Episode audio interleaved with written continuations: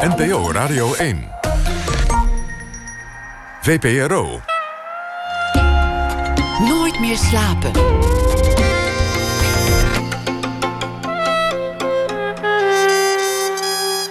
Met Floortje Smit. Welkom bij Nooit meer slapen. De voorstelling Gevangenismonologen daagt het publiek uit om genuanceerder na te denken over gedetineerden, over straf en over schuld. Het wordt gespeeld in leegstaande gevangenissen, waaronder de Bijlmer Baaiers. En zometeen hoort u Christine Otte, schrijfster, journalist en bedenker van dit theaterproject. En Erik-Jan Harmens die leest een verhaal voor bij het nieuws van de afgelopen dag.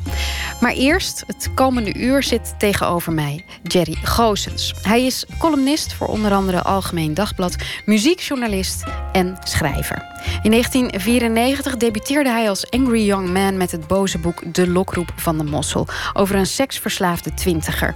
Daarna volgde De Siamese Eenling, een boek over een dertiger die terugverlangt naar zijn tijd als kraker. En daarna kwam Vreeland over een oude one-day fly muzikant die zozeer snakt naar oude beroemdheid dat hij daarvoor wel heel ver wil gaan.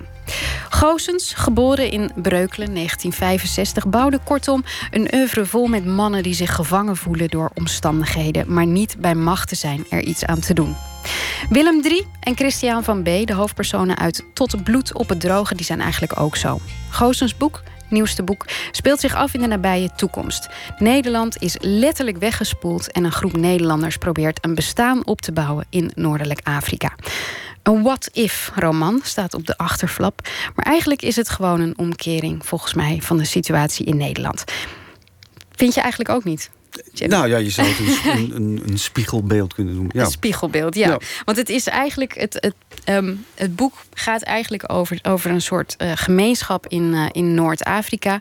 Uh, er leven twee bevolkingsgroepen eigenlijk letterlijk langs elkaar heen.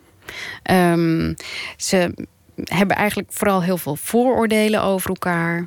Het is fijn dat de Nederlanders er zijn sinds die watersnoodramp. Maar liefst wel als we een beetje ongemakkelijk werk doen. Als ze niet met de meisjes gaan. En als ze niet te hoge torens bouwen. Ja, nou, zo is het. Ja. Ze leven ja, vreedzaam langs elkaar heen. Uh, totdat het misgaat. ja, of lopen we nu op de zaken vooruit? Nee hoor, nee, nee, nee. nee want mis, mis moet het gaan, ja. toch? Als het, ja. uh, als je het, nee, het, is, het is natuurlijk gewoon uh, ja, een soort spiegelbeeld. Het gaat over een groep uh, orthodox-christelijke gastarbeiders... die vanuit een overspoeld Nederland in Noord-Afrika terechtkomt... en daar in, in, in de tuinbouw gaat werken. En, en daar een bestaan probeert op te bouwen... En dat gaat lange tijd goed. Tot er een tamelijk diabolische dominee komt... die de boel een beetje op scherp zet. Waarom wilde je dit eigenlijk? Waarom wilde je zo'n zo'n spiegelbeeld maken als boek? Nou ja, ik denk dat iedereen zich de afgelopen 10, 15 jaar wel eens afgevraagd heeft... hoe zou het nou andersom zijn? hoe, zou, zou, het nou zijn als... Nou ja, zoals letterlijk in mijn boek dan... een groep Hollanders in een exotisch land terechtkomt... en, en, en zich daar eh, moet invechten, zoals onze premier het zegt... Uh, in, in zo'n maatschappij. En um, nou ja, dus dat komt ter sprake in discussies. En op een gegeven moment was er um, in Zwitserland... Um, was er een volksraadpleging over minaretten. Of minaretten verboden moesten worden. Wat ook wel grappig is. Maar um, je hebt bij Zwitserland, als je je ogen dicht doet en je zegt Zwitserland, dan zie je meteen een Alpenwei en een koe met een bel en heidi en, en noem maar op. En als je daar dan een minaret naast plaatst in dat mentale beeld, dan ziet het er vrij absurdistisch uit ineens. En um, nou ja, ik, ik, ik, ik, had dat beeld in mijn hoofd en bedacht me van ja, hoe zou het andersom zijn? En toen zag ik ineens de, de woestijn en met daar een hele grote kerktoren in het midden. En, en dat was echt het zaadje waaruit deze roman gegroeid is. Hoe gaat het dan met schrijven? Begin je dan met dat idee en, en, ga je dan kijken wat er dan gebeurt met de, met de personages die je verzint? Ja, het is een beetje. Het is letterlijk een, een soort mentaal zaadje. Wat langzaam een beetje vorm krijgt. En je denkt daar niet heel actief over na in het begin, maar het krijgt steeds meer vorm. Dan denk ik, oh ja, dan dat en dat. En. Op een gegeven moment is er een, um, ja, een, begin van een verhaal en een begin van een personage. Ja, en dan laat het je niet meer los. Dan, want nou ja, ik had die ervaring dat tussen mijn vorige boek eh, en, en deze zit acht jaar. En in die acht jaar ben ik s'nachts regelmatig lastiggevallen door de personages uit mijn boek. Die zeiden van, kom op Goosens, aan het werk nu, wanneer gaan we nou eens wat doen? He, dus ja, zo, zo, zo begon het. Ging je er dan uit? Uh, nee, ging er niet uit. Nee. Vandaar nee, dat het acht jaar echt, Ik werd echt lastig gevallen. Ja. ja, ik ging, dan ging je slapen en dan moet je, leg je hoofd op de kussen. Ja, dan, waar, dan stond die Christian van B naast mijn bed. En dan stond Laila naast mijn bed. En die zeiden van, kom op jongen, we, we, we, zijn er, let's go. Maar kijk je, kijk je ook bijvoorbeeld dan naar, naar de actualiteit in Nederland... En, en stop je dat er dan allemaal in? Uh, ja, dat gaat bijna vanzelf. Ja, het is. Dat, ja, dat, dat, dat, ik ben natuurlijk journalist ook. En um, ik denk dat dat mijn, mijn, um, ja, mijn literair werk ook wel bepaalt. Er zit altijd wel een soort ja, maatschappelijke onderlaag in. Ik vind dat altijd wel interessant. Dus dat kruipt er vanzelf in. Maar um, het, het aardige aan het schrijven van fictie is... Uh, dat je, je kan van tevoren wel dingen verzinnen... maar uiteindelijk als je ermee aan het werk gaat, als je gaat schrijven dan gebeuren er dingen die je van tevoren niet, niet had kunnen verzinnen. Dat is eigenlijk het enige leuke eraan. aan het proces. Ja. De rest is afschuwelijk. De rest is afschuwelijk, het is vreselijk. ja. Je boek eh, gaat eigenlijk heel erg dus over... Het, het is geschreven min of meer vanuit, eh, vooral vanuit de, de Nederlandse gemeenschap. Het is een gemeenschap eigenlijk waar de tijd lijkt te hebben stilgestaan. Eigenlijk een beetje zoals je het in de jaren 50, nou misschien zelfs nog wel eerder zou zien. Het zijn mensen die klompen dragen, ja. uh, heel erg uh, strak naar de kerk gaan. Um, ze houden heel erg vast ook aan hun eigen oude tradities en normen en waarden. Ja, nou ja, dat was wel het leuke. Terwijl ik dat schreef, begreep ik ineens veel beter hoe dat werkt. Dat op het moment dat je laten we zeggen, in een groep emigreert. Kijk, wij, wij uh, ik zeg nou wij, maar als ik als uh, witte Nederlander uh, denk dat ik emigreer, of probeer me voor te stellen dat ik emigreer, dan krijg je, zoals die televisieprogramma's, weet je, dan ga je naar Frankrijk of Italië en dan begin je daar een bed and breakfast. En kinderen die gaan er naar school die spreken binnen een jaar spreken ze de taal. En binnen vijf jaar voelen ze zich Italiaan of Fransman. En maar als je met een hele groep gaat, uh, dan, dan uh, is het ongelooflijk lastig om je te vermengen met, die, met de oorspronkelijke bevolking. En dan hou je dus vast aan een cultuur die statisch wordt. op het moment dat je hier weggaat, eh, is überhaupt, je kan je afvragen, wat is die cultuur dan? En is dat niet ook een soort verhaal? Want daar, eigenlijk gaat daar het boek over. Dat iedereen daar in die woestijn in zijn eigen verhaal leeft. Of dat nou de Koran is, of de, de Bijbel, of uh, er komt een de demente grootmoeder in voor. Die uh, allerlei eh, Nederlandse mythen en zagen daarin leeft. En nou, zo gaat het maar door. Maar als je die cultuur meeneemt, dan wordt die statisch. Hè? Omdat je er niet meer aan bijdraagt en dat je niet meer. Je, je maakt er geen deel meer van uit. Het bevriest. Dus het bevriest allemaal. En, en nou ja, hun, hun herinneringen bevriezen ook. Inderdaad, alles wordt statisch. En het wordt per definitie dus positief. Klompen dragen wordt, wordt positief gezien. Ja. Uh, oude films worden als positief Absoluut, gezien. ja. Het is allemaal, het is identiteit ineens.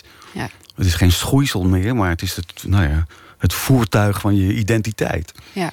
Een van de andere dingen die uh, die groep heel erg bindt, uh, zegt iemand uh, ergens in het boek, die zegt het eigenlijk dat die hele cultuur en zo, dat, dat is een soort bindend middel. Maar wat pas eigenlijk echt ervoor zorgde dat wij bij elkaar horen, is op het moment dat zij ons kutkazen gingen noemen. Ja, ja een gedeelde vijand. dat, ja, dat verbindt dan. Dit zijn allemaal dingen, jij zei net van ik, ik, ben, ik ben daardoor gaan begrijpen. Was dat ook de bedoeling? Wilde je, wilde je begrijpen hoe uh, een, allochtone groep zich hier dan in, in Nederland voelt? Nou, ik wilde vooral kijken of ik het begrijpelijk kon maken. Dat, want ja, ik, ik, hoef niet een boek te schrijven om mezelf ervan te overtuigen dat ik uh, immigranten in Nederland kan begrijpen. Dus daar is al heel veel over geschreven. En nou, je hoeft maar met mensen te praten. Maar ik dacht, het was meer dat ik dacht van... kan ik het begrijpelijk maken? Kan ik een ontsporende jongeman... een radicaliserende jongeman... kan ik dat. ehm, kan ik het zo opschrijven dat eh, lezers daarin meegaan. Dat was meer het idee. Dat je er sympathie voor krijgt. Dat je er sympathie voor krijgt en dat je. Nou ja, dat, dat je kan invoelen dat het zo gaat. Of dat het zo kan gaan. Het grappige is, het is een soort, het is een, eh, een, een dystopische roman. Het, het schetst een soort eh, een negatief eh, toekomstbeeld. mogelijk toekomstbeeld. Ehm, die worden in Nederland toch niet zo heel veel geschreven. Nee, en ja, daar stond, ik stond er een beetje van te kijken. Want ehm, mijn uitgever Lebowski heeft een hele serie van dit soort, of dit soort, hele serie oude dystopische boeken, Ballard en zo. En eh, daar zitten, eh, nou ja, dat. eh, en ehm, ze hadden daar een naam voor, speculatieve fictie. En ik had er eigenlijk helemaal nooit bij stilgestaan dat ik nu ook speculatieve fictie had geschreven. Omdat ik dacht, ja, het is, eigenlijk is gewoon een boek over. Het is ontzettend Hollands. Het is ontzettend knielen op een bed violen, maar dan in de woestijn. Ontzettend goede pitch dit. ja, toch? Ja. Ja, ehm, maar ehm, eigenlijk het, het enige wat het een soort dystopische roman maakt, is dat ik het noodgedwongen in een soort diffuse toekomst heb moeten laten afspelen. Ja, ik moest, ik moest een reden hebben waarom die Hollanders die kant op gingen. Dus ja, dan kom je al snel op een land wat onder water staat. En nou ja, zolang het land niet onder water staat, speelt zich dat dus af in de toekomst. Waardoor het ineens ja, speculatieve fictie werd. What if? En, ehm, dus ik heb daar helemaal niet zo bij stilgestaan. Wat ik wel wilde, was een, eh, ik wilde een, een verhalende roman schrijven. En dat ligt in de Nederlandse literatuur ook een beetje lastig, het verhaal. Hè, er wordt er altijd gezegd van eh, stijl is alles en het verhaal is overbodig. Terwijl ik, ik wilde juist een roman schrijven, een meeslepende roman waar je nou ja, in verdwijnt. En waar je opgetild wordt door het verhaal. En, en, en na 270 pagina's denkt van wauw, ik wou dat er meer was. Ja. Het, wat, wat grappig is, vind ik eraan, is dat heel veel van de, de bekende dystopische romans of de what-ifs, eh, die hebben een hele duidelijke boodschap. Die hebben een, een soort wereldbeeld wat ze via die spiegel dan eh, willen laten zien. Ja. Ehm, en dat heb jij niet echt, toch? Er zit niet een hele keiharde, rechtlijnige boodschap in. Nee, helemaal niet. Nee, nee ik, ja, sowieso eh, rechtlijnige boodschappen. Daar slaan we elkaar op Twitter de hele dag mee om de horen. Ik word er echt helemaal doodziek van. En ehm, kijk, de meeste dystopische romans ehm, schetsen een, een, een, een, ja, een, een dy- een dystopisch toekomstbeeld. Terwijl dit, mijn boek gaat over nu. Ja, het speelt er toevallig in, een, in de toekomst af, maar het gaat over nu. Het gaat over ons. Het gaat Maar het gaat over alle politieke issues die op dit moment Ja. eh, spelen. Ja. Het is bijna onmogelijk om daar geen mening over te hebben of dat er niet in te Ja, maar dat, nou ja, ik heb natuurlijk wel een mening over, maar ik wil daar, ik wil als, als schrijver niet ehm, tussen de lezer en het boek gaan staan. Dus als je dat boek leest, ja, iedereen die het gelezen heeft, vindt daar iets van en betrekt het op, eh, op, op de, de maatschappij. Maar iedereen trekt daar hele andere conclusies uit. Nou, en dat wil ik graag zo laten. Ik wil daar niet tussen gaan staan en zeggen: van, je moet het zo lezen, zo moet je het begrijpen. Nee.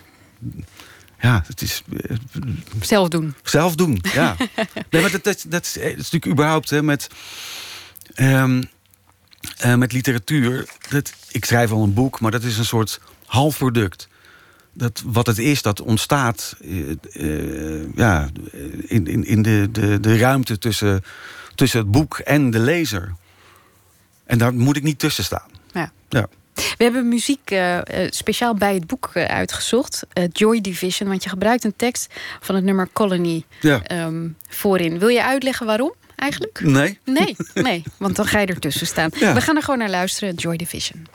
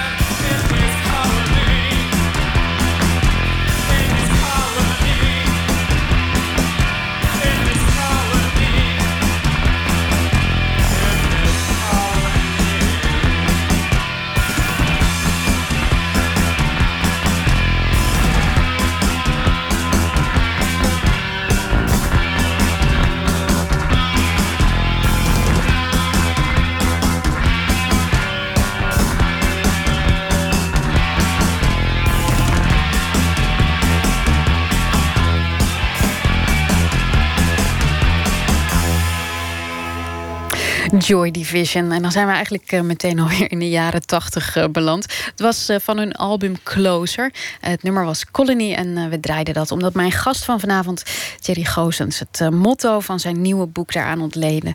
En dat nieuwe boek heet Tot bloed op het droge. Het is uitgebracht in 1980, zag ik. Ehm, toen was jij 15. Ja, Hoe zag je leven er toen uit? ja. Ja. Ik zat op de vrije school in Zeist. En ehm, ik was punk natuurlijk.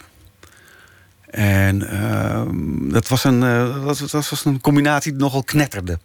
Echt waar? De vrije school. Ja, iedereen denkt natuurlijk dat de vrije school Ja. dat is heel vrij. Maar dat was niet zo. De vrije school, zeker in Zeist en zeker in die tijd... was een soort orthodoxe antroposofenschool.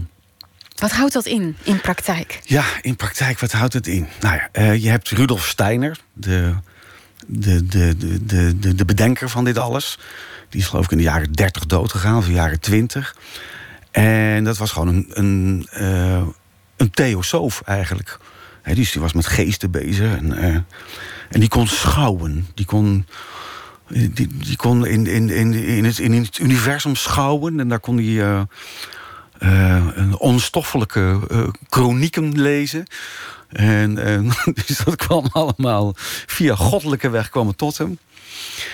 En eigenlijk is de, de kern van de antroposofie is een soort malle, ja, eh, eh, vrij eh, eh, racistische, ehm, racistisch idee waarbij er verschillende eh menstypen, rassen zijn die eh, op verschillende manieren zich ontwikkelen. En er is één groep die zich heel goed heeft ontwikkeld. Mag raden wie dat zijn. en er zijn er anderen die zich minder goed ontwikkelen. Nou is dat... Hè, dit is natuurlijk geen, geen rabiate, eh, vervelende club. Het zijn allemaal lieve mensen. Maar wel knettergek allemaal.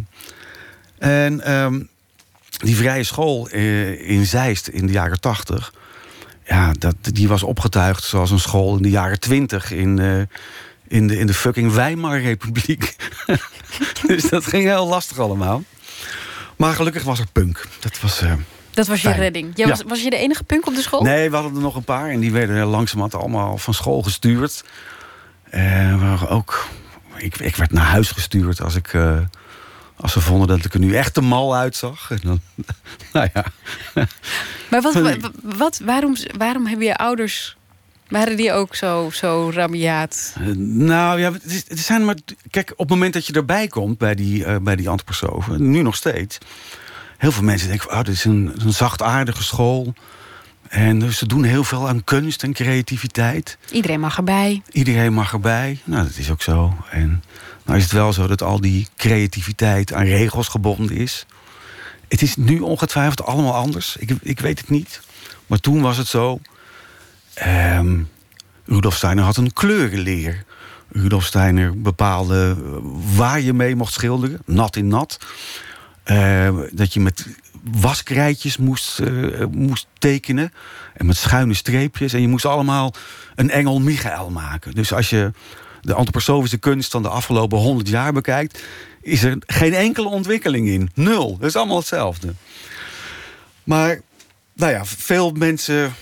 Ja, veel ouders komen daar naartoe en denken... Van, ja, dat is een, een, een school waar mijn, mijn kind zich eh, beter kan ontwikkelen. En kijk eens aan, er ligt nu Nou, een ja, prachtige precies. roman. Ja. Dankjewel, Rudolf Steiner. Maar had je, had je leuke ouders? Ik heb nog steeds leuke ouders. Ja. ja. En ehm, hoe kwam je bij die punks terecht dan? Ja, ehm, ik denk gewoon via de hitkrant en via Topop. Dat had je toen nog. Ehm, de Sex Pistols die ineens op televisie bij de Tros Disco Circus. Je gelooft het niet, maar het is echt waar. De Tros had een programma dat heette Tros Disco Circus. En ineens waren daar de Sex Pistols. Nou, waar, het was, de Sex Pistols dat was het echt het alleropwindendste wat ik ooit had gezien. Wat Eh, was het dan? Wat trok je er zo aan? Nou ja, het was kabaal. Het was reuring. Het was rebellie. Het was verzet. Het was ehm, een, een, een, een opgestoken middelvinger tegen alles. Je kon het overal voor gebruiken. ja, Multifunctioneel. multifunctioneel. En je kon eraan meedoen. Daarvoor was het natuurlijk zo van, ja, je kon wel fan zijn van een of andere band. Maar ja, dan, dan, dan was je een consument. Dan kon je zo'n plaat opzetten en dan je, kon een t-shirtje aandoen en dat was het dan wel. Maar punk, daar kon je aan meedoen. En van punk werd ook gezegd van, ja, je hoeft helemaal niet te kunnen spelen. Dat is belachelijk. Iedereen die maar die, al die, die toonladders. Het stront vervelend. Je moet gewoon, je moet het doen. Het gaat om de energie. Dus dat gingen we doen ook. Dus ik stond als twaalfjarige gewoon met mijn eerste bandje in de schuur op een gitaar te hakken. En wij waren een punkband. En wij gingen als punks over straat. En dan gaat mijn boek natuurlijk ook over identiteit. En welk boek gaat er tegenwoordig niet over identiteit, maar vooruit. Het gaat ook over wat, wat betekent het om Hollander te zijn? Wat betekent het om christen te zijn? En is dat allemaal niet kolder? Maar ja, je kon een leren jas aandoen. En, eh, en, en zeep in je haar smeren. En, en een eh, Ramones t-shirt aandoen. En dan was je een punker. En dan was iedereen bang voor je. Met 12 jaar in Zeist. Dus prachtig. Dus toch iets mooiers bestaat het toch niet? Je was dat, dus dat, dat bozige, dat vond je wel lekker. Hè? De, de, de opgestoken middelvinger. En dat hele no future van, eh, van de punks. Ja. Ja, dat is natuurlijk een, van- dat was een prachtige kreet. Het is met terugwerkende kracht is het belachelijk omdat er nog heel veel ja, alle, alle punks uit die tijd die zijn blijven hangen. Die zitten op internet eindeloos te mijmeren over hoe, hoe mooi het vroeger was. Dus vanavond is in Paradiso is er weer een boekje gepresenteerd. Punk in Paradiso. Dat is 40 jaar geleden, maar ze staan er allemaal weer. Had er eigenlijk ook bij moeten zijn. Hey, het was vooral vreselijk opwindend in die no future. Eh, er is natuurlijk al een groot, vers- groot verschil tussen of je eh, punk bent in Londen tijdens de crisis in, in 6, 77 of punk bent in Zeist.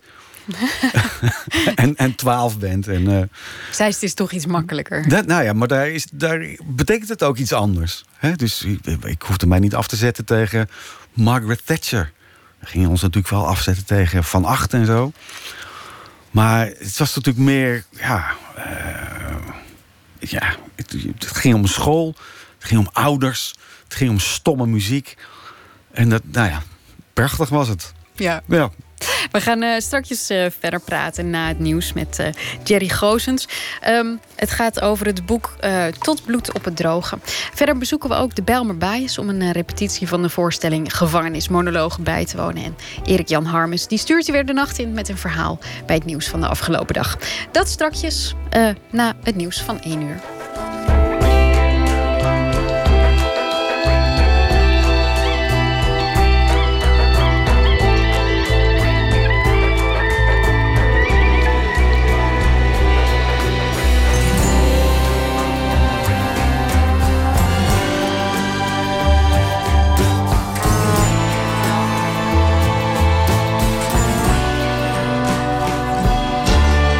Radio 1.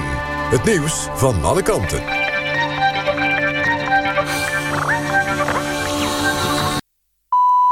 Het is 1 uur, Patrick Holtkamp met het NOS-journaal. De Amerikaanse minister van Volksgezondheid, Tom Price, is opgestapt. Hij lag onder vuur vanwege het gebruik van gecharterde vliegtuigen... op kosten van zijn ministerie, terwijl goedkopere lijnvluchten beschikbaar waren. Het zou de belastingbetaler meer dan 400.000 dollar hebben gekost. Ambtenaren moeten goedkope lijnvluchten nemen... tenzij het echt niet anders kan. President Trump was niet blij met de actie van Price... en liet dat binnenskamers en publiekelijk blijken. Price is het eerste Amerikaanse kabinetslid dat opstapt. De politie heeft invallen gedaan in clubhuizen van motorclub Satudara in Beverwijk en Apeldoorn. Alle aanwezigen worden gecontroleerd op het bezit van wapens en drugs. In het clubhuis in Beverwijk zijn 150 leden aanwezig, in Apeldoorn ongeveer 50. Het Openbaar Ministerie verwacht dat het onderzoek nog de hele nacht duurt. De motorclub wordt in verband gebracht met afpersing, geweld, wapenbezit en drugshandel. Afgelopen dag heeft het OM de rechtbank in Den Haag gevraagd om Satudara te verbieden. Brimstone is de grote winnaar van de Gouden Kalveren... de belangrijkste Nederlandse filmprijzen. De Nederlands-Amerikaanse film, een western thriller... wist zes van de negen nominaties te verzilveren... waaronder die voor beste film. Nooit eerder kreeg een film zoveel Gouden Kalveren. Brimstone won geen prijzen voor het acteerwerk. Beste acteur werd Peter Paul Muller voor zijn rol in Bram Fischer. Beste actrice is Nora El Koussour voor haar rol in Laila M. Verliezer van de avond was Tonio. Die film was zeven keer genomineerd... maar won alleen het Gouden Kalf voor beste montage. In de Eredivisie is afgelopen avond één wedstrijd gespeeld. FC Twente won thuis met 2-1 van Heracles. Het weer vannacht en komende ochtend opnieuw regen. Overdag blijft het in het oosten wisselvallig en grauw. Maar in het westen wordt het droog en breekt de zon door. Het wordt 15 tot 17 graden. Dit was het NOS Journaal. NPO Radio 1. VPRO. Nooit meer slapen.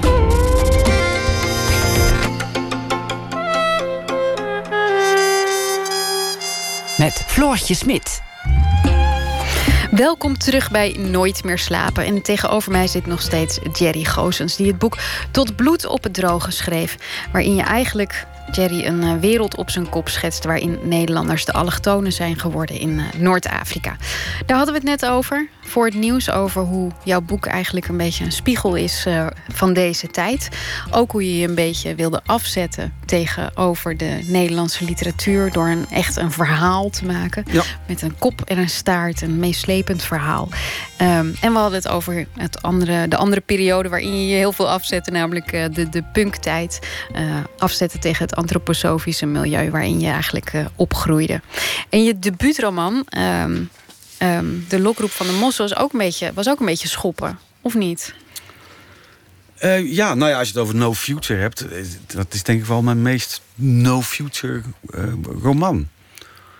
Eigenlijk in de nasleep van de jaren tachtig. En, ehm, en we hoorden voor journaal hoorden we Joy Division.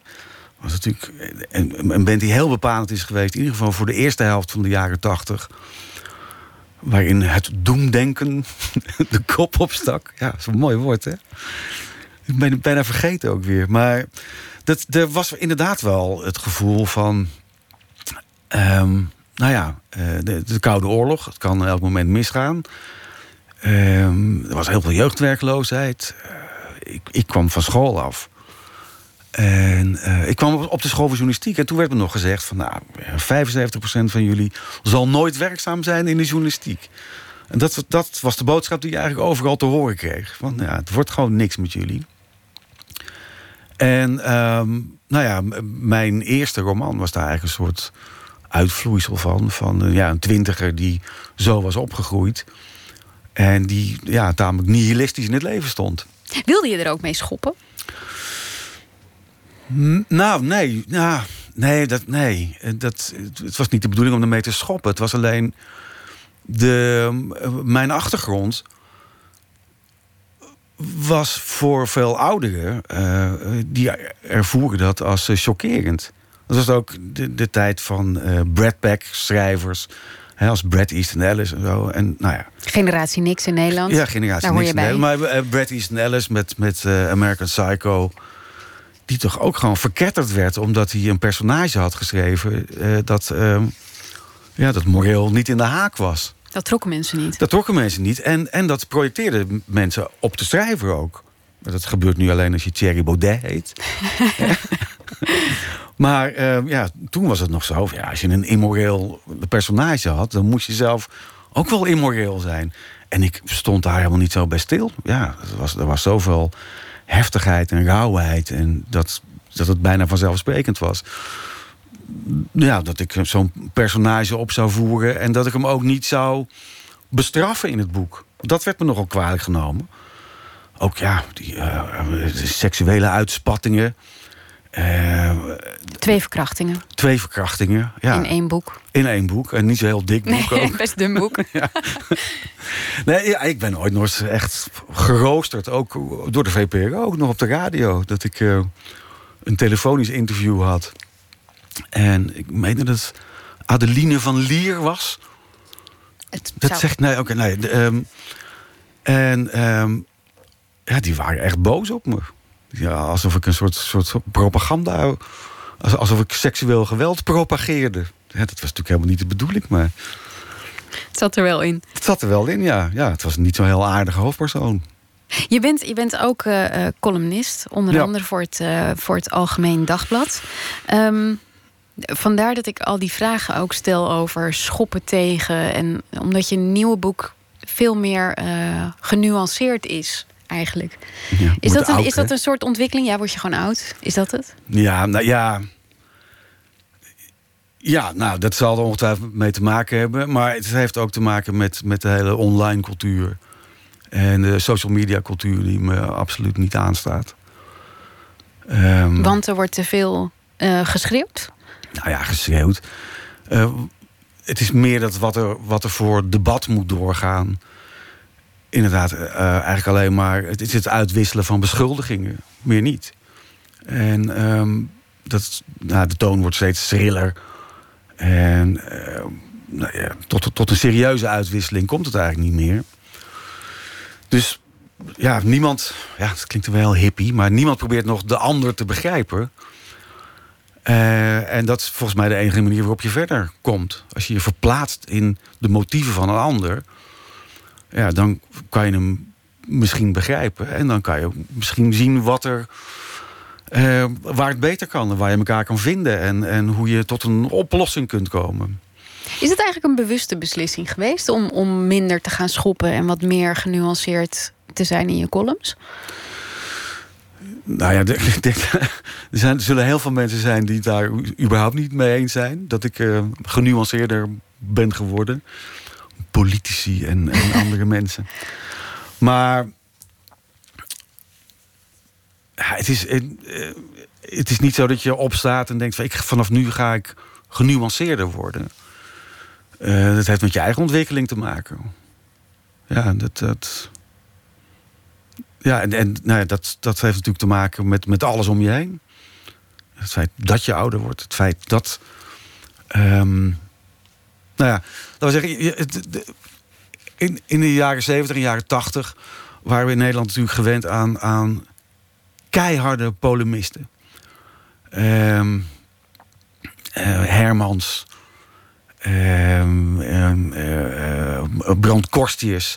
Echt bikkelharde. hè, Als je Vrij Nederland las als, eh, als, als 15-jarige, ja, dan, dan stond je met je oren te klappen. Oh, wat die allemaal op durfde te schrijven. Smullen. Ja, smullen, natuurlijk. En ehm, nou ja, Theo van Gogh is is er natuurlijk ook een, een nazaat van. En als dat beperkt blijft tot Vrij Nederland en, en de Haagse Post... dan is dat heel leuk. Maar als iedereen elkaar voortdurend eh, onderuit probeert te schoppen... dan wordt het op een gegeven moment ja, alleen maar naar. En, en ja, je schiet er geen fuck mee op, dat is het een beetje. Ja, je noemde net Theo van Gogh. Dat, ehm, je bent al heel lang columnist. Dus je hebt eh, eh, de moord ook Ja. meegemaakt als columnist. Ja. Heeft, dat, heeft dat je nog veranderd? Ja, nou. Ja, als je over. Ja, als je over de islam schrijft. En dat doe ik. Dan eh, is dat elke keer als je daarover schrijft. ehm, speelt. eh, ja, zit Van Gogh in je achterhoofd. Ik heb wel eens een, een, een dialoogje geschreven. Op een gegeven moment was het. ehm, eh, Geert Wilders, die was in eh, Texas bij een van de tentoonstelling van spotprenten. Nou, die spotprent kan je allemaal uittekenen. En er waren twee gasten en die wilden een aanslag plegen op Geert Wilders. Alleen die kwamen niet verder dan de slagboom. En dan bliezen ze zichzelf op of ze werden doodgeschoten. Eh, in ieder geval, het was mislukt. Dus ik had een, een, leuke scène geschreven... waarin deze twee heren eh, in de hemel kwamen, in het paradijs kwamen... om bij Mohammed en, en, eh, en Al- Allah hun, hun maagden op te eisen. En dat die, Mohammed stond een beetje te monkelen daar. Zo van, ja, wat zijn het voor prutsers allemaal. Die had ontzettend lelijke maagden voor ze geregeld. en ehm, ik, had dat, ik zat dat lekker te schrijven op vakantie. En ik liet dat mijn vrouw lezen. En die zei, hmm, zou je dat nou wel doen? En ja, Wanneer was dit? Was dit er vlak na of nog veel later? Nee, veel later. Nee, het is nu nog steeds. Het is natuurlijk, ja, eh, het is niet meer vrijblijvend. Kijk, en dat is natuurlijk de, de, de tragiek van Van Gogh. Dat hij gedacht heeft, ja, hallo, ik ben van de Hollandse school. Wij zijn gewend om zo, om zo eh, polemiek te, bedrijven. En eh, die is keihard in aanvaring gekomen met ja, iemand anders die daar, die daar heel anders over dacht. ja, dat, dat kan je nooit meer ongedaan maken. Je hebt het in het boek heb je het omgedraaid. Er zit een, een Ja. soort columnist in eh, die, die lijkt op Van Gogh. Ja. Eh, ook in zijn toon. Was het lekker om dat weer gewoon zo te schrijven en vanuit een andere hoek? Ja, nou ja, ik heb dus inderdaad ehm, een, een columnist, Annex hoofdredacteur, Annex enige redacteur van een krantje, en, eh, zo'n dorpskrantje. En ehm, die schrijft eh, ja, harde columns over de kazen, de Hollanders, en hun achterlijke geloof, eh, het christendom. En het was heel leuk om dat te schrijven, omdat je, ja, je hoeft, het christendom hoef je maar eh, een kwart te draaien. Of je kan er een soort ja, bloedcultus van maken. Eh, ja, dat was heerlijk om te doen. En het was natuurlijk ook leuk om een soort. Ja, om, om een alter ego te hebben in het boek, in de roman. Die gewoon, Ja, gewoon om als columnist. met gestrekt columnist op- been ja, erin kon. Ja, ja. Het, is, het is ook, laat ook zien hoe eh, makkelijk je ehm, godsdienstige dogma's kunt draaien naar Ja. je eigen hand. ja, absoluut. En ja, nou, dat is het. En dat wilde je daarmee laten zien. Nou ja, dat, ja, dat, nou, dat, ja. Het zijn natuurlijk eh, eh, de, de gemeenschap die ik opvoer. Dat zijn allemaal brave, doch orthodoxe eh, christenen. Eh, eh, ja, eh, gereformeerde protestanten. Niet mijn achtergrond, dus daar heb ik me ook nog in moeten verdiepen. Was ook lekker. En, ehm, maar je, ja, je kan natuurlijk gewoon orthodox zijn. En dan is er niks aan de hand. Maar ja, dan komt die, die, die, die nieuwe dominee om de boel op scherp te zetten, ja, dan gaat het mis. En dan blijkt het er ook nog weer ja, te kloppen met, met eh, die, die verdraaiing die de columnist ervan maakt. Kijk, religie is natuurlijk helemaal niks. Religie is wat, wat eh, gelovigen ervan maken. En ja, dat kan de ene kant op en het kan de andere kant op. Maar het blijft dezelfde religie. Ben je eigenlijk katholiek opgevoed? Ja, ik ben katholiek opgevoed. Dus ik ben ook, ehm, laten we zeggen, zonder Bijbel opgevoed. Wij katholieken doen niet aan het woord. Ik had alleen de kinderbijbel, dus ik ken al die oude testamentverhalen. Ken ik alleen als lieve kinderverhaaltjes met, met mooie pasteltekeningetjes erbij. En ik, nou ja, voor dit boek heb ik me ondergedompeld in het echte Oude Testament. Dat was natuurlijk andere koek. Veel grimmiger dan... Veel eh, grimmiger ja. en, en bloederiger en wraakzuchtiger. En een ongelooflijk narige, boze, wraakzuchtige god. Ja, Ja. We gaan nog beter even... voor het boek. Ja. Ja, beter voor het boek. We gaan nog even luisteren naar, eh, naar muziek. En eh, nog wel naar de grondleggers van de trip-hop. Tricky namelijk. Het eh, ontstond in de Engelse stad Bristol. En hier hoort u hem samen met zijn ex-vrouw Martina Topley Bird. When We Die.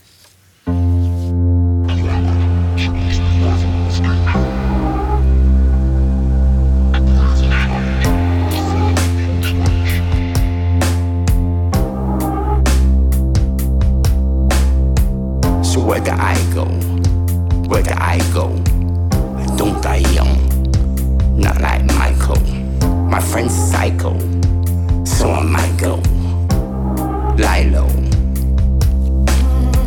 So where do I go? Where do I go? Foreign trips. She's wearing lycra. Where do we go? Where do we go?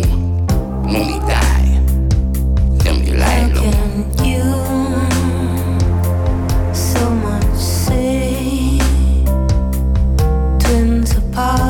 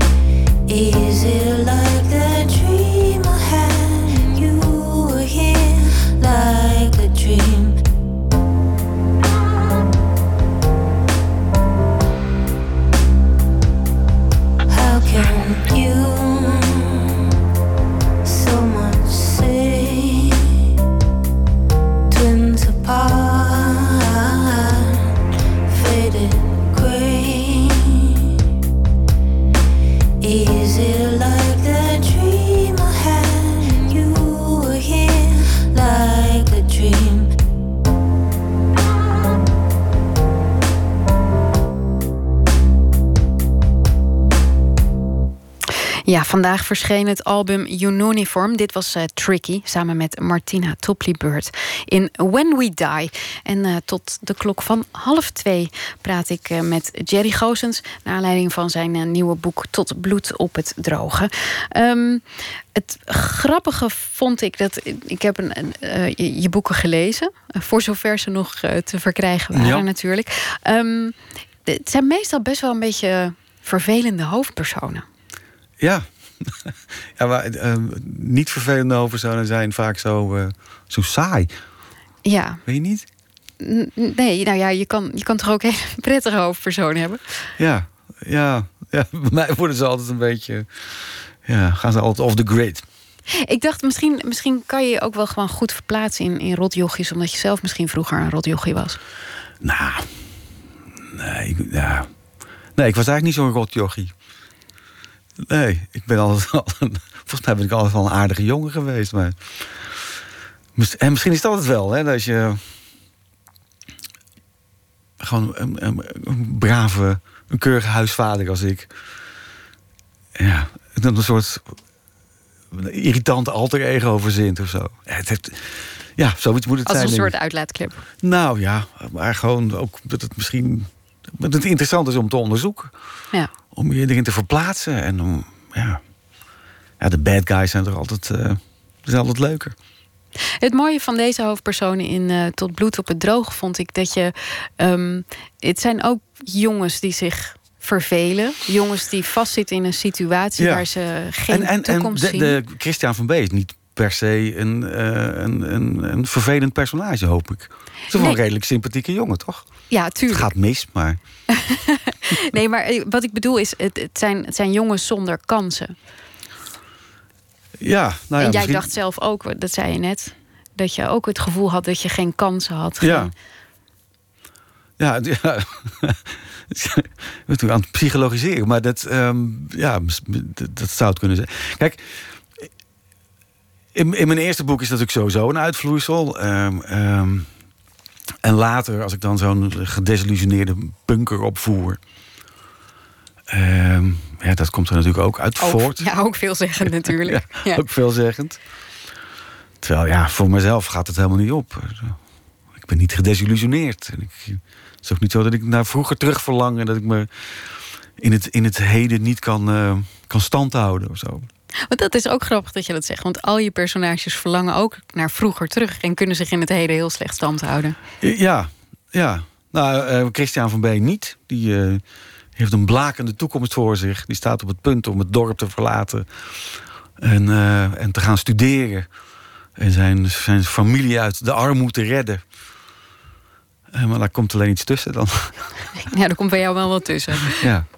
Het grappige vond ik ook dat ik op een gegeven moment... ehm, ik dacht, je schrijft altijd vrij slecht over... of de vrouwen komen er vrij slecht eh, vanaf, meestal in je boeken. Ehm, maar het zijn eigenlijk wel de meest interessante... of eigenlijk de aardigste personages Ja. die erin zitten. Ja, eh, nou. eh, Ik volgens mij schrijf ik niks lelijks over, over Laila. Nee, een, een, een heldin is het. Een, een, een feministisch icoon. Je bent veel vriendelijker voor vrouwen, dat bedoel ik te zeggen. Je bent veel filijner over mannen. Ja, ja, ja, dat is misschien wat makkelijker. ik weet het niet. We gaan, we gaan van deze eh, psychologische Ja. eh, eh, bank af. Ik, ik, ehm, ik wilde het graag hebben nog over, over je columns.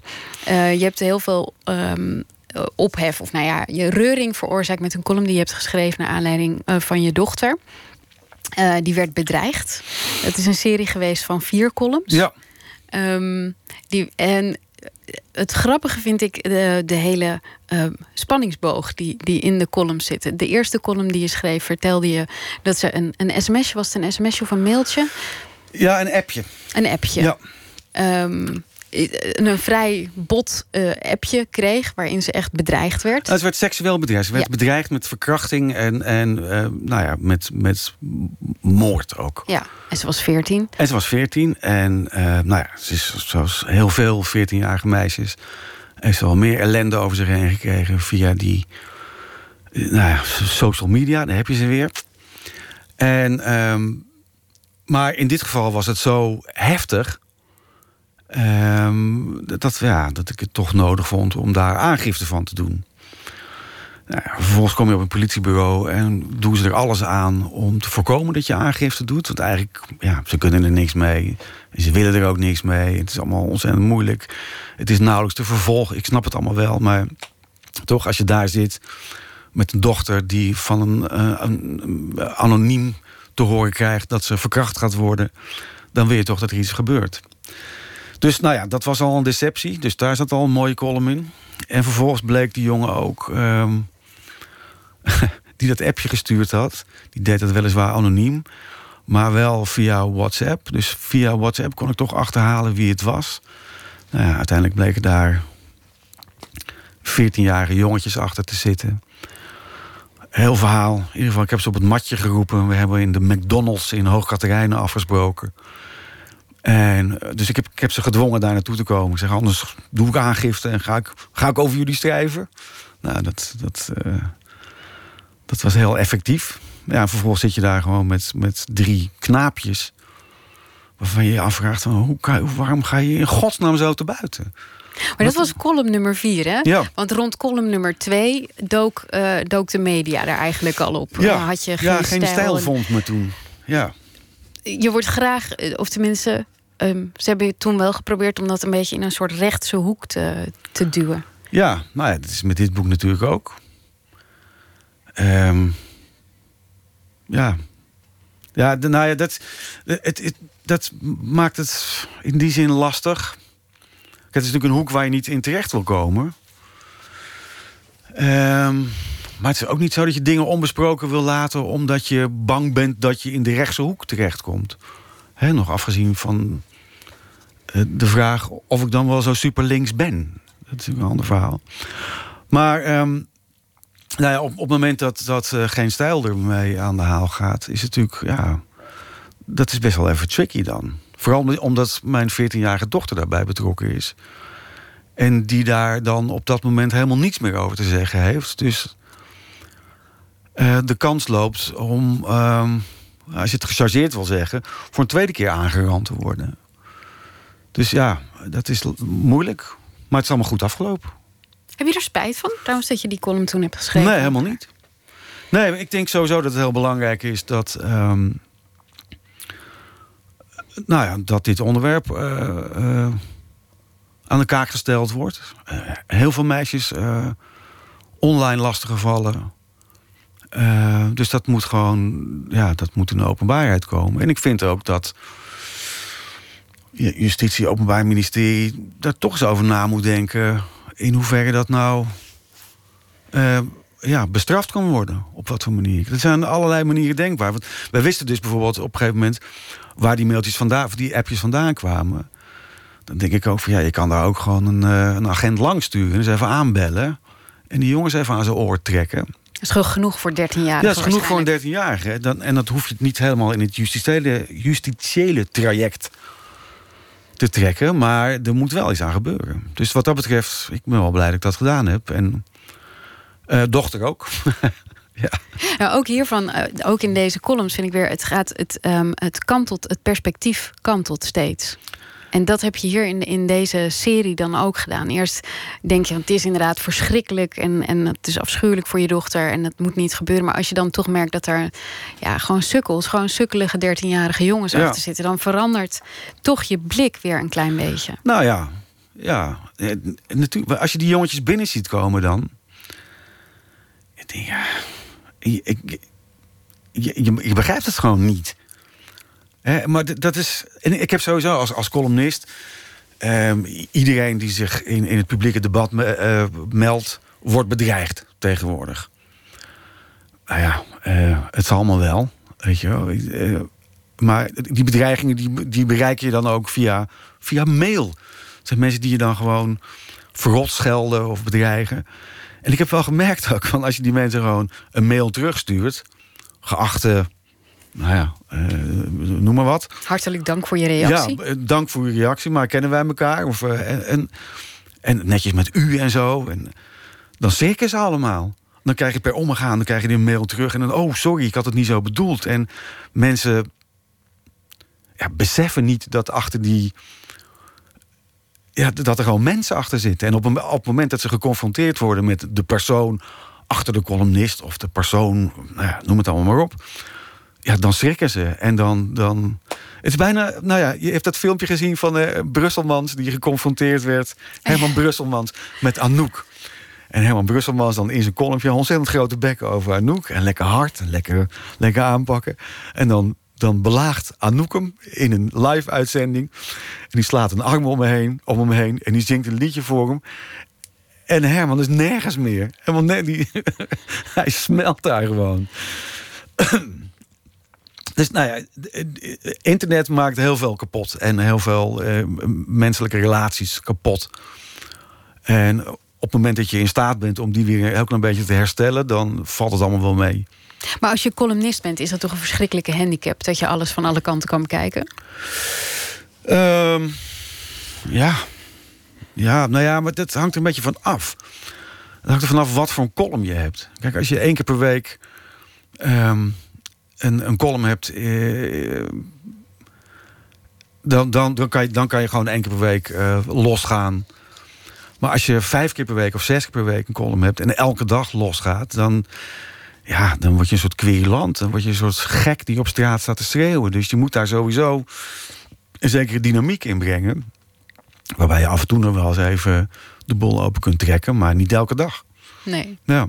En op al die andere dagen probeer je vooral mensen in andere mensen hun hoofden te laten kijken. Nou, of ze een beetje aan het lachen te maken. Of, eh, dat is ook ja. leuk. Ja, dat, ja, het moet, vooral leuk zijn. Precies. Ja.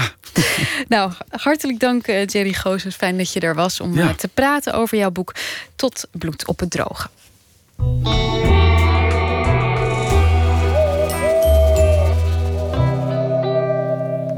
November verschijnt een nieuw album van soul- en gospellegende Mavis Staples. En die is inmiddels al 78 jaar oud. Net als de vorige twee platen is dat album ook weer geproduceerd door Jeff Tweedy van de succesvolle gitaarband Wilco. Luister naar de titeltrack. If All I Was Was Black.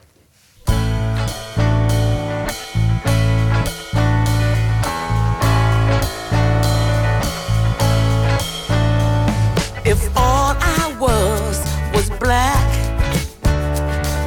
looking at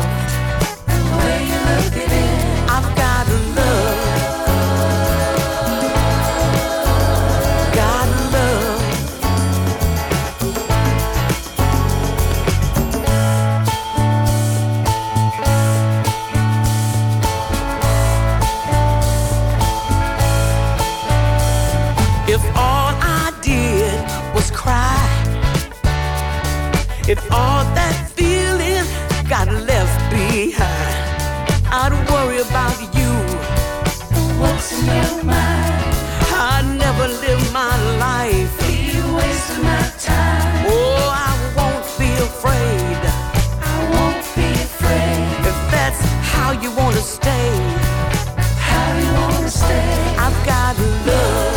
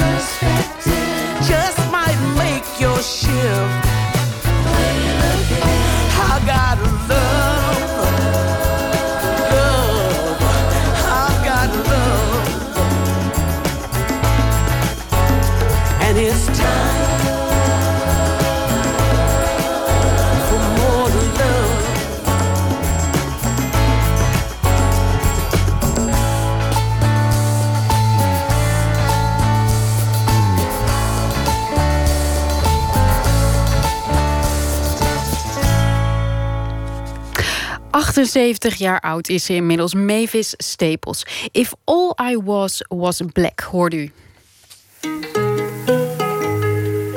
Elke week vragen we een eh, schrijver of een dichter om met proza te reageren op het nieuws van de voorbije dag. En deze week wordt dat verzorgd door Erik Jan Harmens.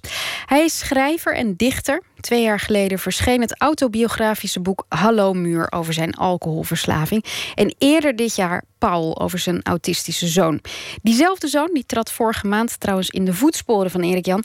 Want Julian Harmens die publiceerde zijn eigen dicht- dichtbundel. Uh, goeienacht, Erik Jan. Goedenacht, Bert. Ik zag ook dat hij eh, in de boekwinkel werkt, waar hij ook nog in de winkel ligt.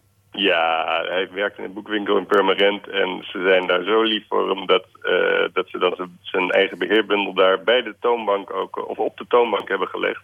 En er staat zo'n stickertje dan op onze stagiaire en dan, of onze stagiair en dan met een uitroepteken zo, weet je, dat is toch wel echt heel schattig. Ja, mooi. Ja. En anders moeten mensen hem via internet eh, gaan bestellen of zo.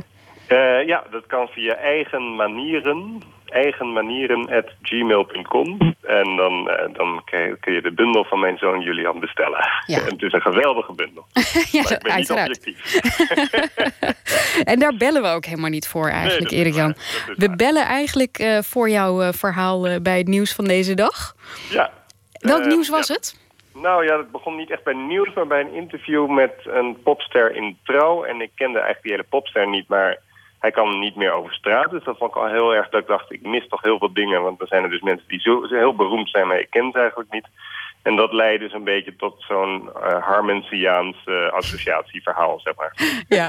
Ga, je, ga je de naam van de popster nog verklappen of zit dat in je verhaal? Ja, nou, dat zit in mijn verhaal, ja. Dus, maar het is Max Colombi, ken je hem? Nee. Nee? Hij is van eh, een band dat heet Oscar and the Wolf. En dat Oh ja. Dan echt, oh ja, nou ja, ik ken het Draaien we vanavond. Oh, kijk, nou ja, precies. Zo Prachtig. het. Nou. Heel goed. Vertel. Ja. Trouw interviewde Max Colombi, zanger van de Belgische band, band Oscar and the Wolf. De 26-jarige Colombi is een rockster die niet meer gewoon over straat kan.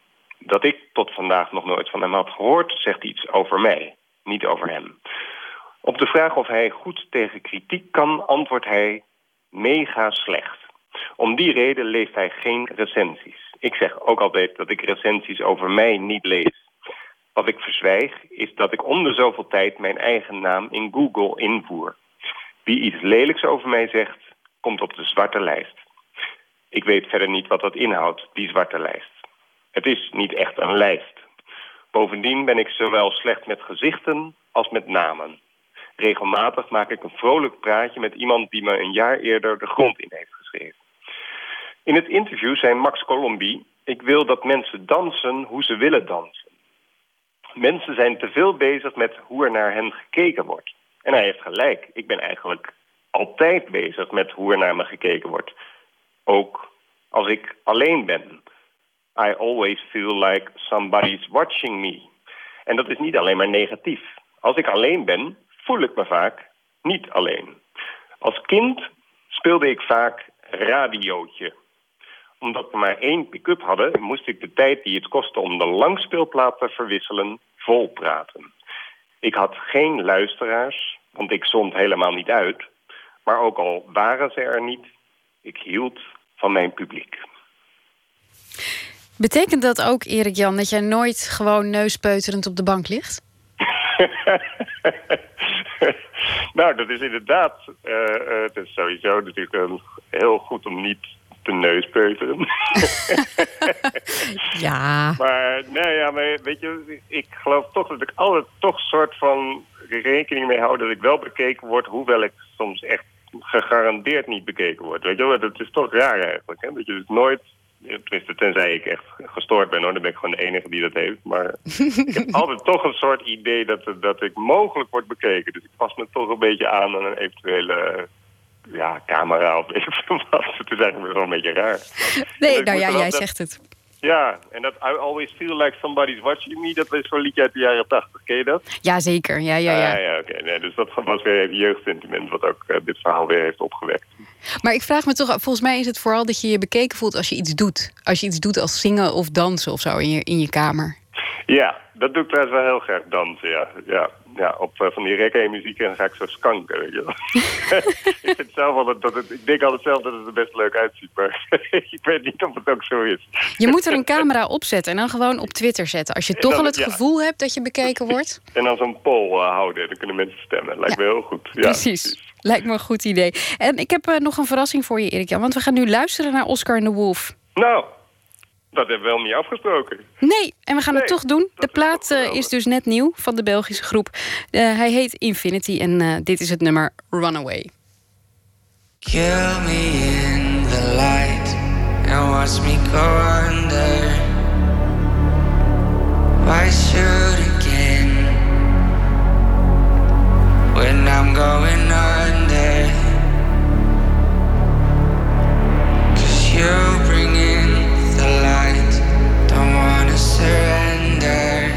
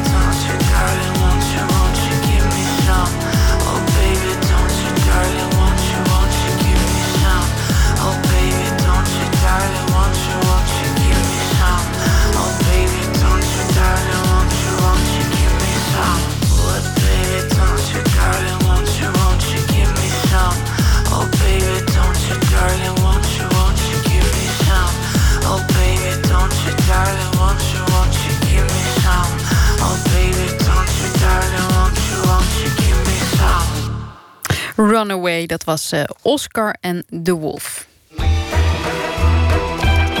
Nooit meer slapen. De schrijflessen die Christine Otte aan gedetineerden gaf... die leverden zulke mooie verhalen op... dat ze die met een paar collega's besloot om te zetten in een toneelstuk. Gevangenismonologen heet die theatervoorstelling. En het wordt gespeeld in leegstaande gevangenissen... waaronder de Bijlmer. Daar wordt ook gerepeteerd en verslaggever Botte Jellema... die ging er kijken. Portemonnee, je telefoon, dat soort dingen meenemen. Eh, naar boven, dan weten we zeker dat er niemand, eh, dat dat niet gestolen wordt. Wat zei je nou net?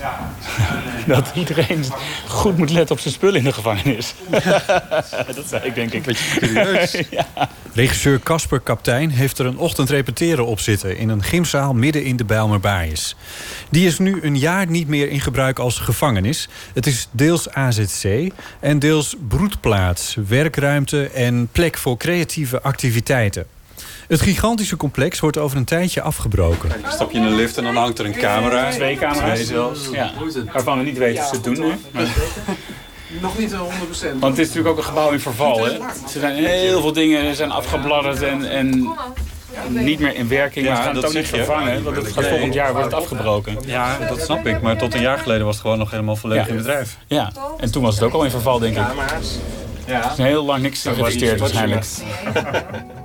Met een lift gaan we in een van de zes torens van de oude Bijlmer Baaiers omhoog.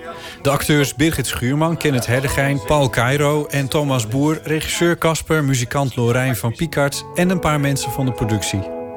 Op de zesde verdieping is een kleedkamer... wat tot enige tijd geleden nog gewoon een afdeling van de gevangenis was. Een zaal met aan beide kanten cellen... Op het ene eind uitzicht over metrostation Spaklerweg... en op het andere eind de verblijfsruimtes van de bewakers. Er staan nog twee stretchers. Voor de nachtdienst, stel ik me zo voor. Als de muren hier eens konden spreken. De dingen die hier zijn gebeurd, gedacht, gezegd. Ik stap met Casper een van de cellen binnen. Kleedkamer staat er op de deur. Eh, maar dit was gewoon een cel. Dit is een afdeling voor eh, psychisch gestoorde, heftige eh, overtreders. Ja. Vinyl op de vloer. Eh, in de hoek zit een, eh, zit een toilet. Er zit niet een deur voor, maar het is enigszins afgeschermd. Hoe groot is het? Twee meter bij vier, vijf misschien.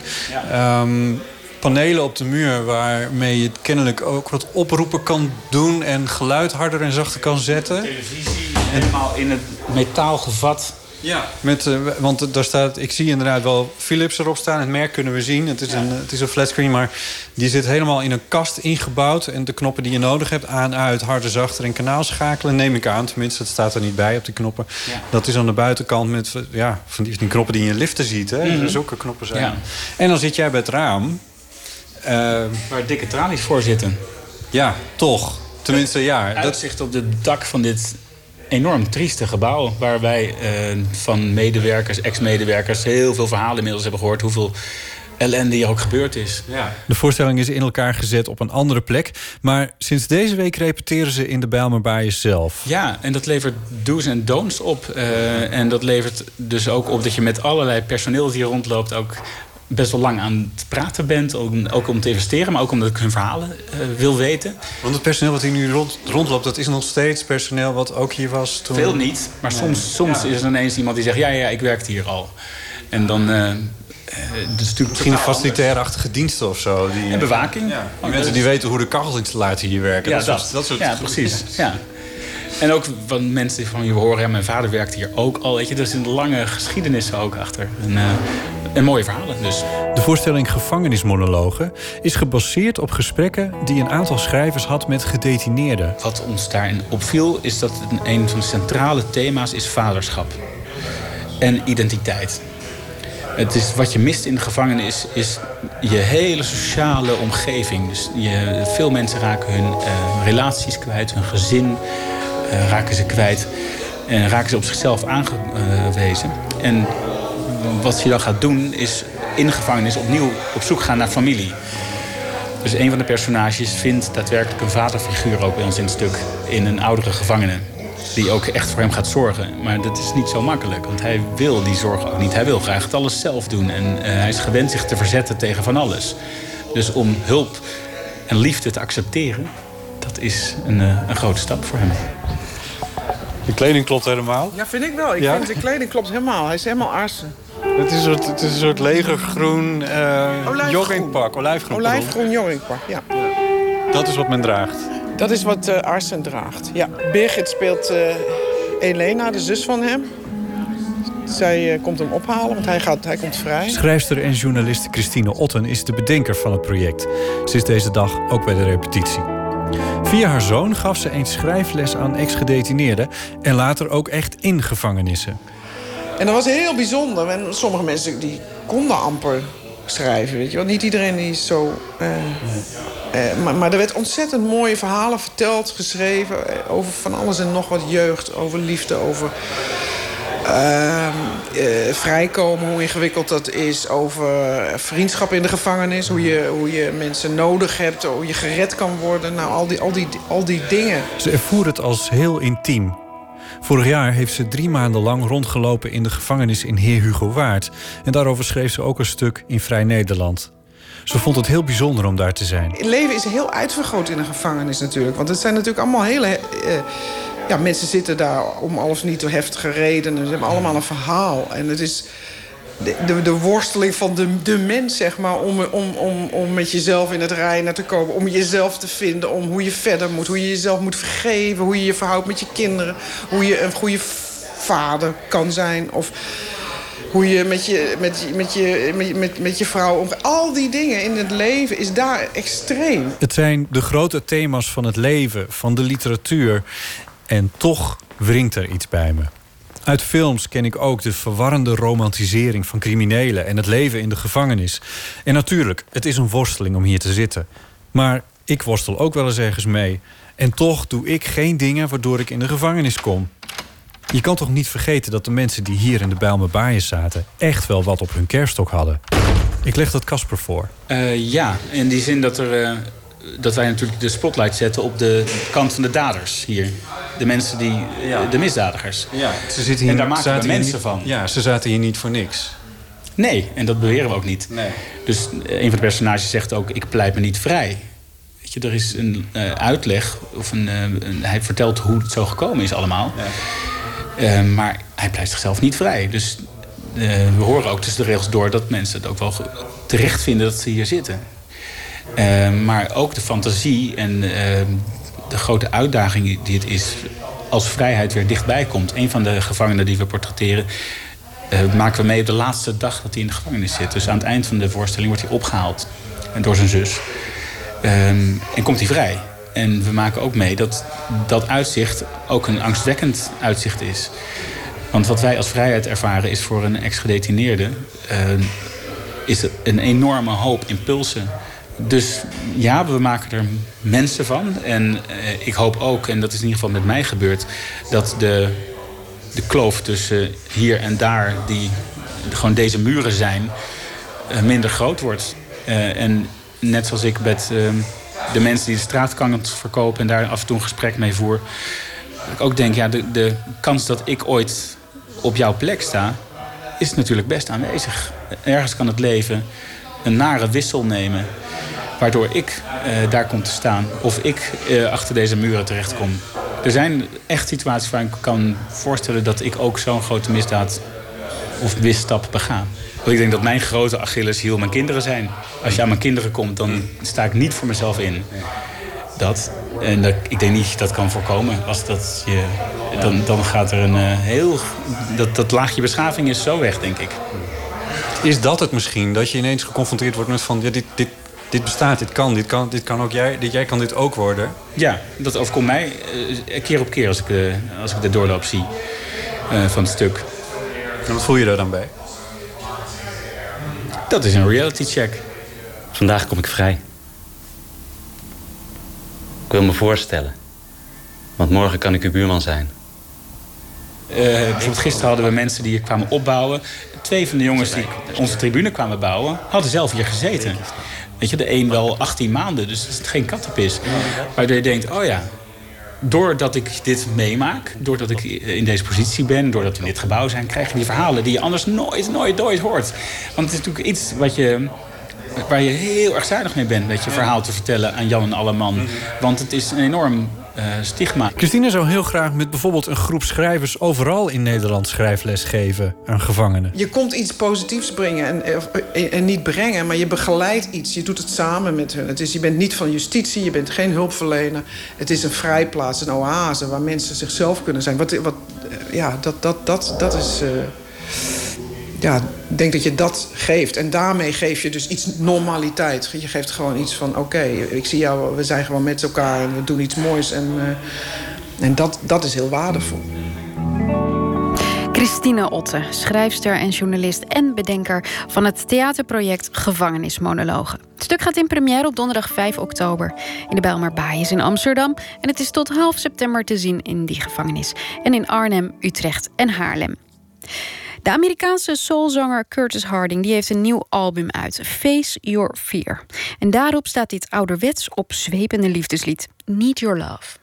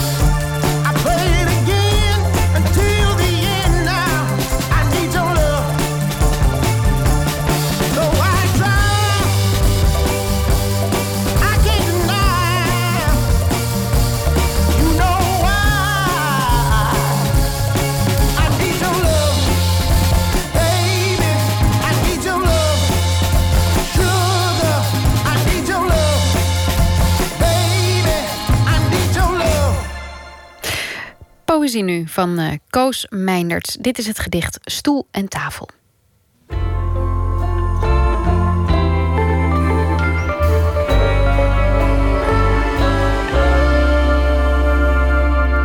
Stoel en tafel.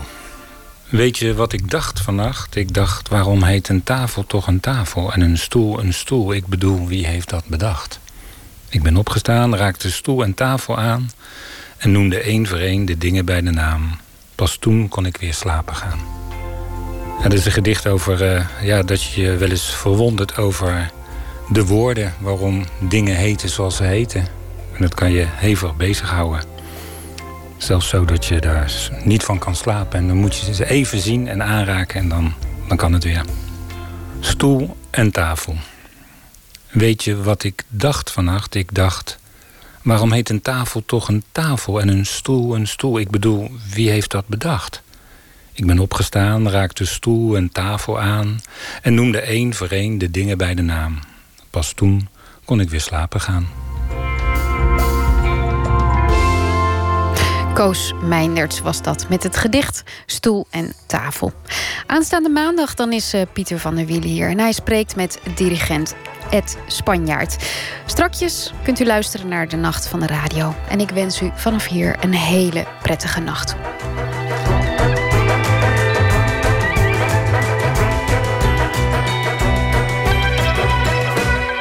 Op Radio 1, het nieuws van alle kanten.